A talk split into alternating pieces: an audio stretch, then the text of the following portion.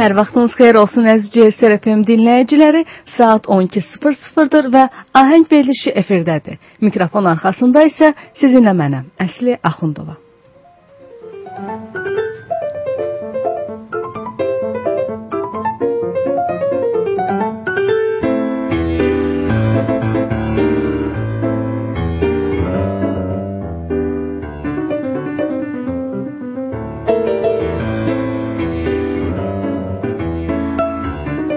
Bəli, əziz dinləyicilər, bu gün də efirimizdə Azərbaycan musiqisində öz sözünü demiş sənətkarlardan biri haqqında söhbət açacağıq. Bu şəxs Azərbaycanın görkəmli bəstəkarı, ictimai xadim, dövlət mükafatı laureatı Fikrət Əmirovdur. Fikrət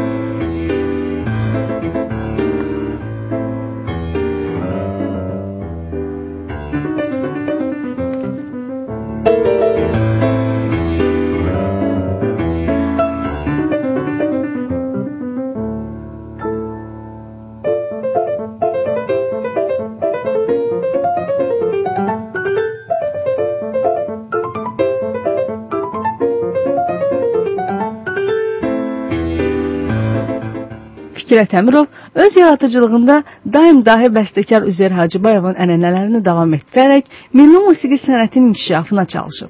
İdeya məzmununun dərinliyi, insanın daxili aləminin təsviri, melodik üslubun zənginliyi, ahəngdar orkestrləşdirmə Əmirov yaradıcılığına xas olan cəhətlərdəndir.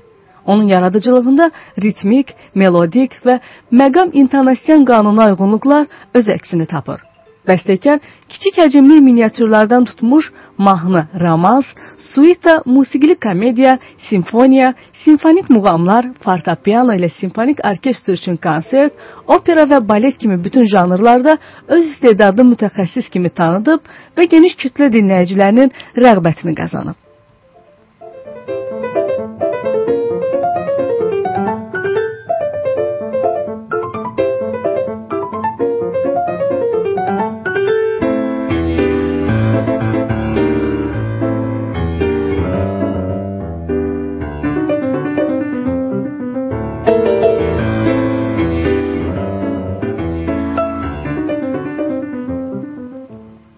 Fikrət Məşədi Cəmiloğlu Əmirov 1922-ci ildə Gəncə şəhərində tanınmış bəstəkar, müğənni və tarzən Mir Mövsüm Nəvvabın musiqi məclislərinin təsiri ilə formalaşmış Məşədi Cəmilin ailəsində anadan olub. Məşədi Cəmil Azərbaycanda, İranda, Türkiyədə, Gürcüstanda ifaçı musiqiçi, sonralar isə müəllim kimi məşhur idi. O ilk dəfə doğma şəhərində musiqi məktəbi təşkil edib, daha sonra həmin məktəbin rəhbəri olub. Təbiidir ki, atası gələcək bəstəkarın tərbiyəsinə və musiqi qabiliyyətinin inkişafına böyük təsir göstərib. O musiqini, ədəbiyyatı, tarixi çox sevirdi. Artıq 10 yaşında olarkən tarda gözəl ifa edirdi, konsertlər verirdi. Xalq mahnılarına məhəbbət onun şəxsiyyət və daha bəstəkar kimi yetişməsinə böyük təsir göstərib. Fikrət Əmirov ilk musiqi təhsilini Kirovabad Musiqi Məktəbində alıb. Oranı bitirdikdən sonra o Bakıya köçüb. Orta ixtisas musiqi məktəbinin bəstəkarlıq sinifində oxuyub. 1939-cu ildə Azərbaycan Dövlət Konservatoriyasına professor Zeydmanın bəstəkarlıq sinifinə daxil olub.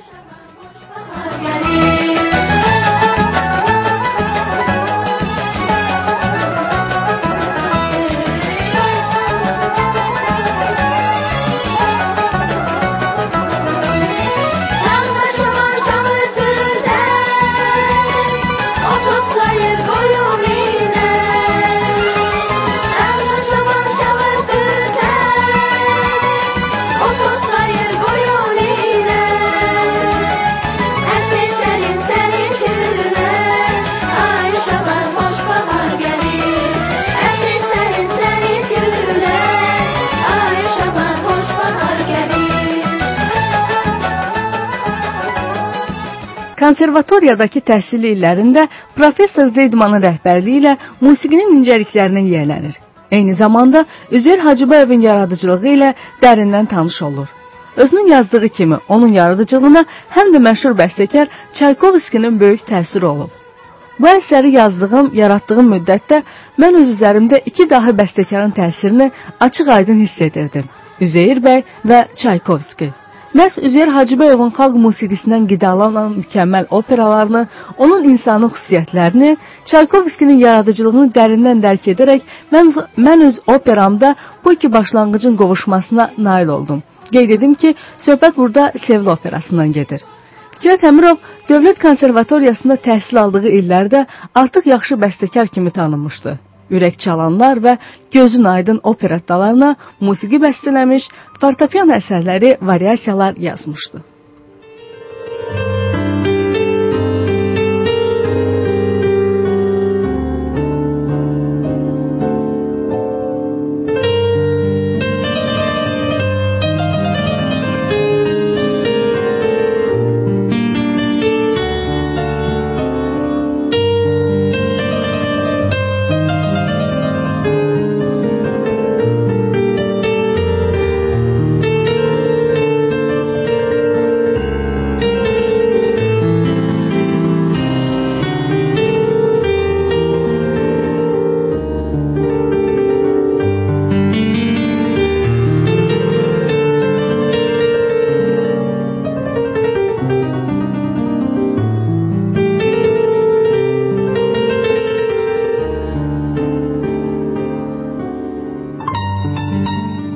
Böyük Vətən müharibəsi Fikrət Əmirovun təhsilini yarımçıq qoyur.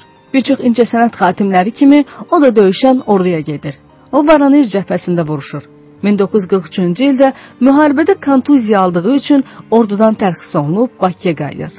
1944-cü ildə konservatoriyada təhsilini davam etdirir və 1948-ci ildə oranı bitirir.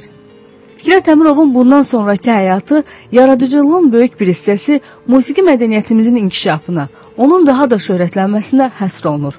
Fikrət Əmirov uzun illər Respublikanın teatrları ilə daim əlaqə saxlamış, Cabbarlının, Hüseynin, Vurğunun, Qasımovun və başqa dramaturqların pyeslərinə musiqi yazmışdır.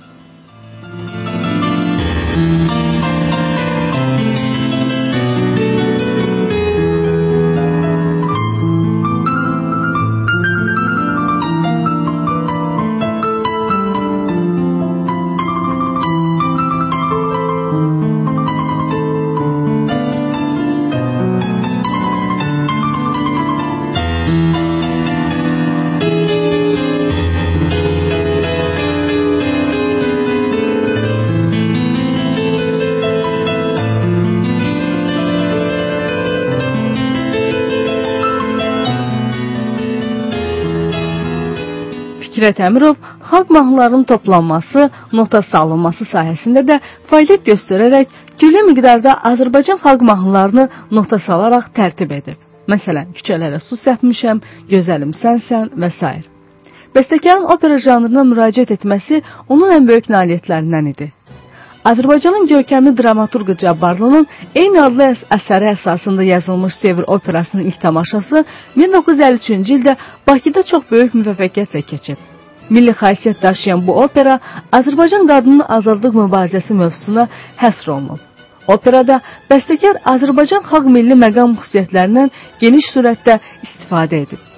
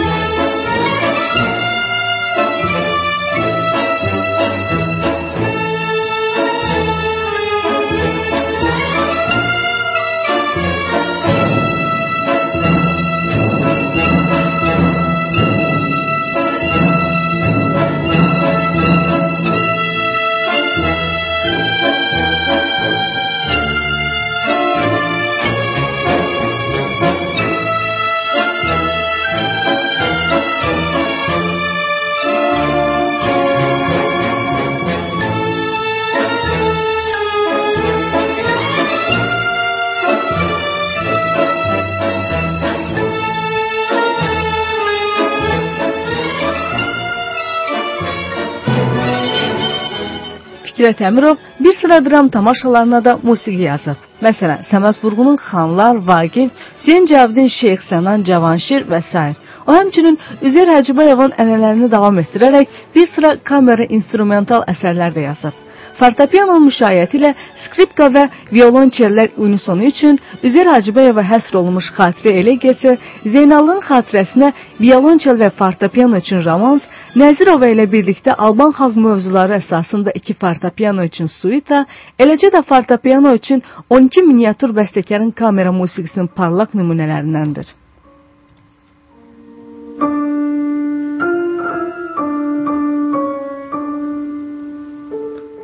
Fikrət Əmirov həmçinin vokal musiqisi sahəsində də geniş sürətdə fəaliyyət göstərib.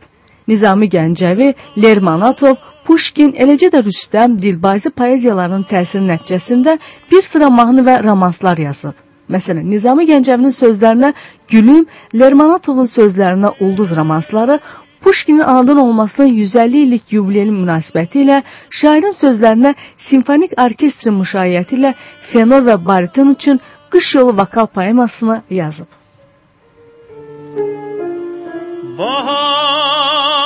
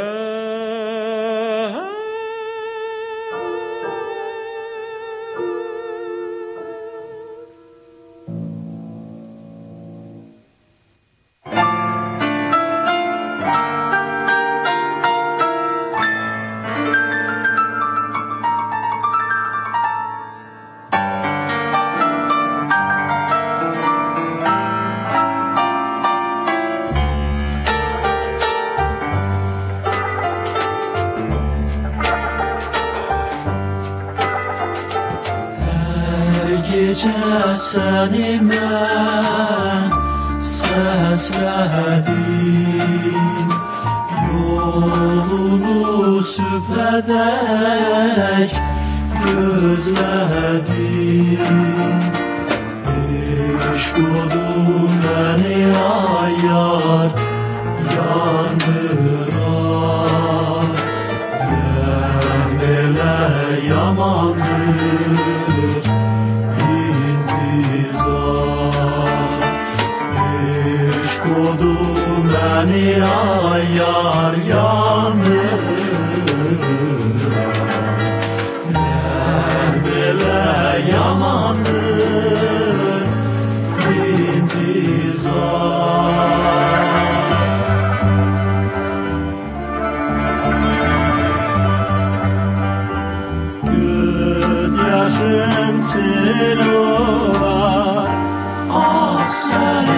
Amen.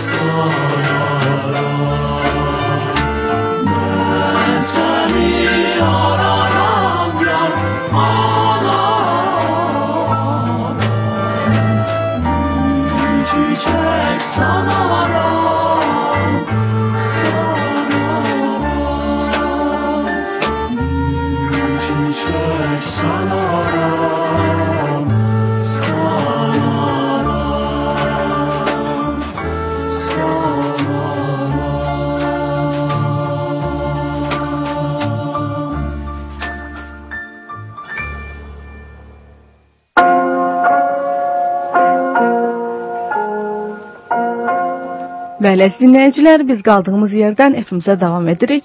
1961-ci ildə Fikrət Əmirov simfonik orkestr üçün Azərbaycan kapriçosunu, həmçinin simfonik orkestr üçün Azərbaycan qravürlərini, Nəsimi vokal simfonik poemasını 1973-cü ildə yeni tembr koloritə əsaslanan Gülüstan-ı Bayati Şiraz simfonik muğamını yazıb.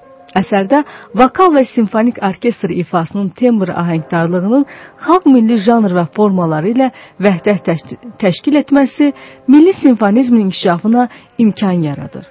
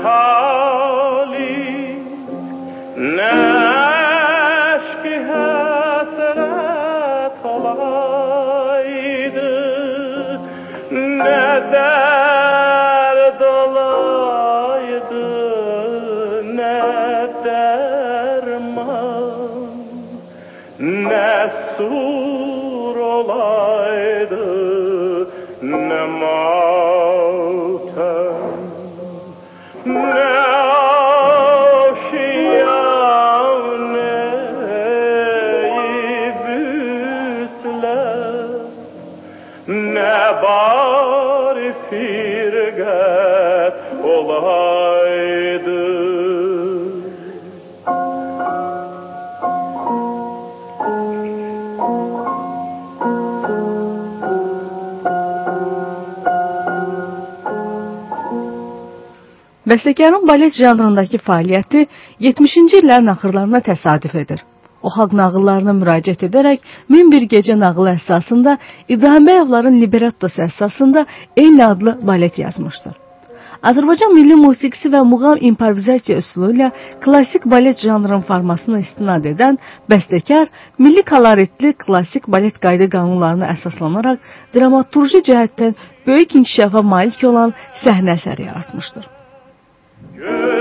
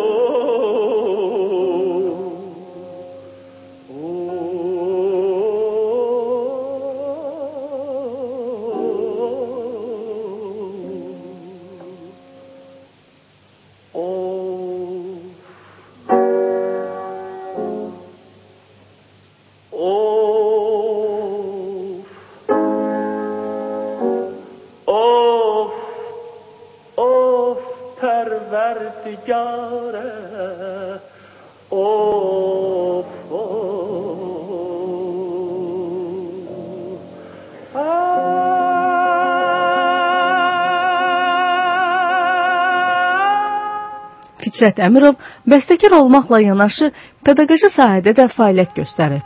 O həmçinin mətbuatda bir sıra məqalələrlə çıxışlar etmiş, ictimai işlərdə yaxından iştirak etmişdir. 1956-cı ildə Azərbaycan Opera və Balet Teatrının direktor vəzifəsində çalışmış, Azərbaycan Bəstəkarlar İttifaqının katibi olmuş, SSR Bəstəkarlar İttifaqının 2-ci Ümumİttifaq qurultayında rəyasət heyətinin üzvü olmuşdur. Musiqi sənəti inkişafı sahəsində böyük nailiyyətlərə görə Fikrət Əmirov 1955-ci ildə Azərbaycan SSR-nin əməkdar incəsənət xadimi, 1958-ci ildə Azərbaycan SSR-nin xalq artisti fəxri adına layiq görülmüşdür.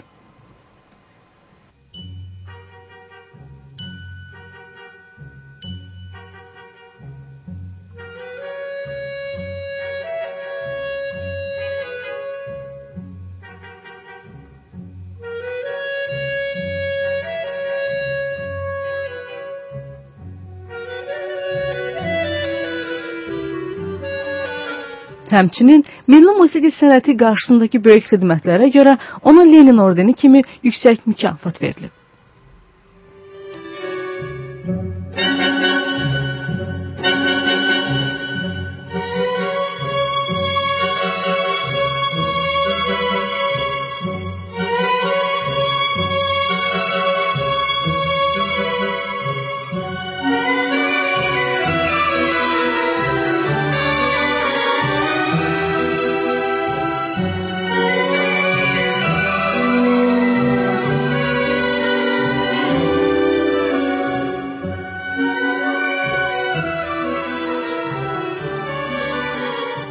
Fikrət Əmirov 1947-ci ildə Nizami simfoniyasını, 1948-ci ildə Şur və Kürd oxşarı simfonik muğamlarını yazır. Bu simfonik muğamlara görə o əsəri dövlət mükafatına layiq görülür. Fikrət Əmirov 1984-cü il fevral ayının 20-sində Bakı şəhərində vəfat edib.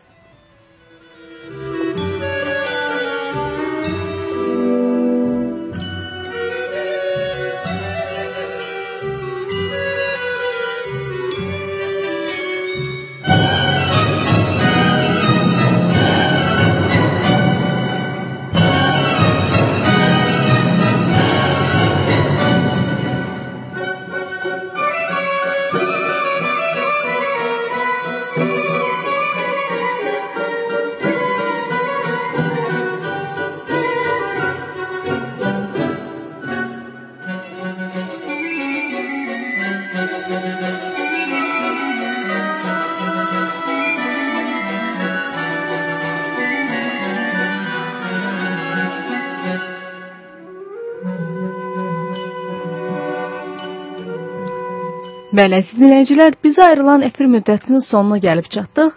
Bu gün efirimizdə Azərbaycanın görkəmli bəstəkarı, ictimai xadim, dövlət mükafatı laureatı Fikrət Əmrov haqqında danışdıq. Növbəti efirlərdə eşidilmək ümidi ilə xudahafiz.